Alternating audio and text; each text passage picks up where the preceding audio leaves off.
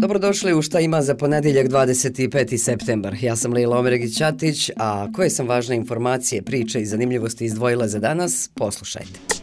Počinje Sarajevska energetska i klimatska sedmica na kojoj se očekuje više od hiljadu učesnika iz svih krajeva svijeta. Danas će, na primjer, eksperti iz zemlje i svijeta analizirati dosadašnji proces kretanja energetske tranzicije u Bosni i Hercegovini i to u okviru radionica koje održavaju Međunarodna agencija za obnovljive izvore energije i Sekretarijat za tranziciju regiona bogatih ugljem iz Brisela. Strašan je podatak da 16 termoelektrana na ugalj Zapadnog Balkana ispušta više sumpor dioksida nego svih 250 termoelektrana na ugalj Evropske unije.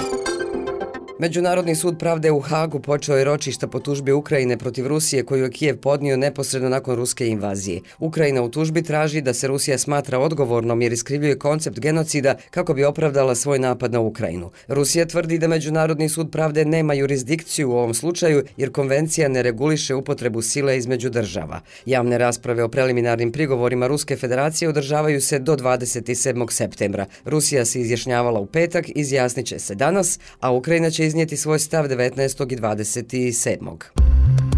Idemo sad u grad koji je rijetko zastupljen u medijima, u Drvar, iz kojeg ovih dana stiže glas da su akcije obnove i zaštite kulturnog nasljeđa. Tačnije, trenutno u akciji obnove porušenog spomenika palim borcima i žrtvama fašističkog terora iz drugog svjetskog rata, a koji je uradio kipar Marijan Kocković. O tome sam razgovarala sa načelnicom Drvara Dušicom Runić vraćate drvaru simbol antifašističke borbe? Pa pokušat ćemo mu vratiti simbol antifašističke borbe e, jer ta ideja je e, u nama već dugo prisutna, međutim nismo mogli da dođemo do autora spomenika, odnosno onih dijelova koji se tiču klesarskog kamena. U našoj arhivi pronašli smo staru projektnu dokumentaciju, na osnovu toga naše arhitekte uradile su novi predmer i predračun žadova, tu statiku za spomenik i to kako ide. Odmah po dobijanju saglasnosti nadležnog zavoda, obzirom da je taj spomenik 2018. iako je srušen, e, iako na njega svake godine polažemo vijence i za 9. i 25. maj i 27. juli,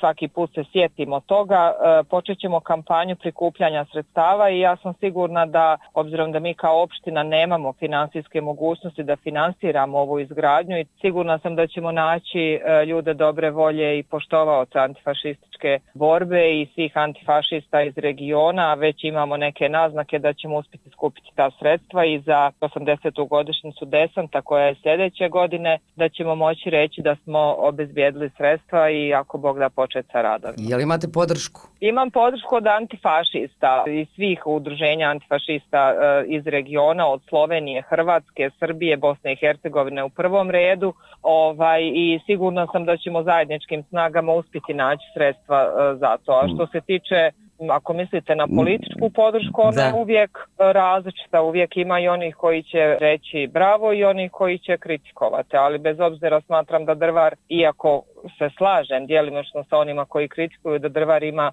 e, mnogo važnijih stvari, ja smatram da je i ovo jedna izuzetno važna stvar jer e, E, time vraćamo e, simbol prijeratnog drvara, a prijeratni drvar je bio razvijen industrijski grad i to mi nekako ima simboliku da, da, da sad, sad na, na onom srušenom spomeniku nekako imamo osjećaj da nam je e, sve srušeno, pa eto, bit ćemo optimisti i reći kad popravimo spomenik da nam možda skrene i bolje, a svakako to zaslužuju i sve žrtve sa područja opštine Drvara, Drvar je antifaši, grad antifašizma.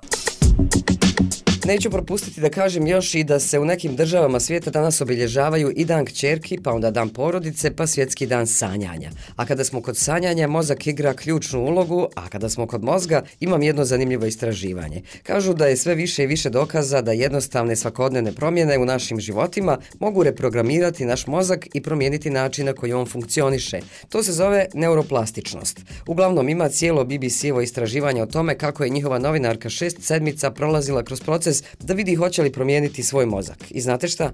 Promijenila ga je, bare malo. Doktor kliničke psihologije sa kojim je sarađivala rekao joj je da tokom dana bude što više fokusirana, da obrati pažnju na trenutke. Recimo, ako kuha, da baš prati šta radi. Radi se o metodi svjesnosti, a istraživači su otkrili da je svjesnost jednostavan, ali moćan način da promijenimo naše kognitivne funkcije. Kažu da svaki put kada naučimo novu vještinu, naš mozak se prilagodi tome.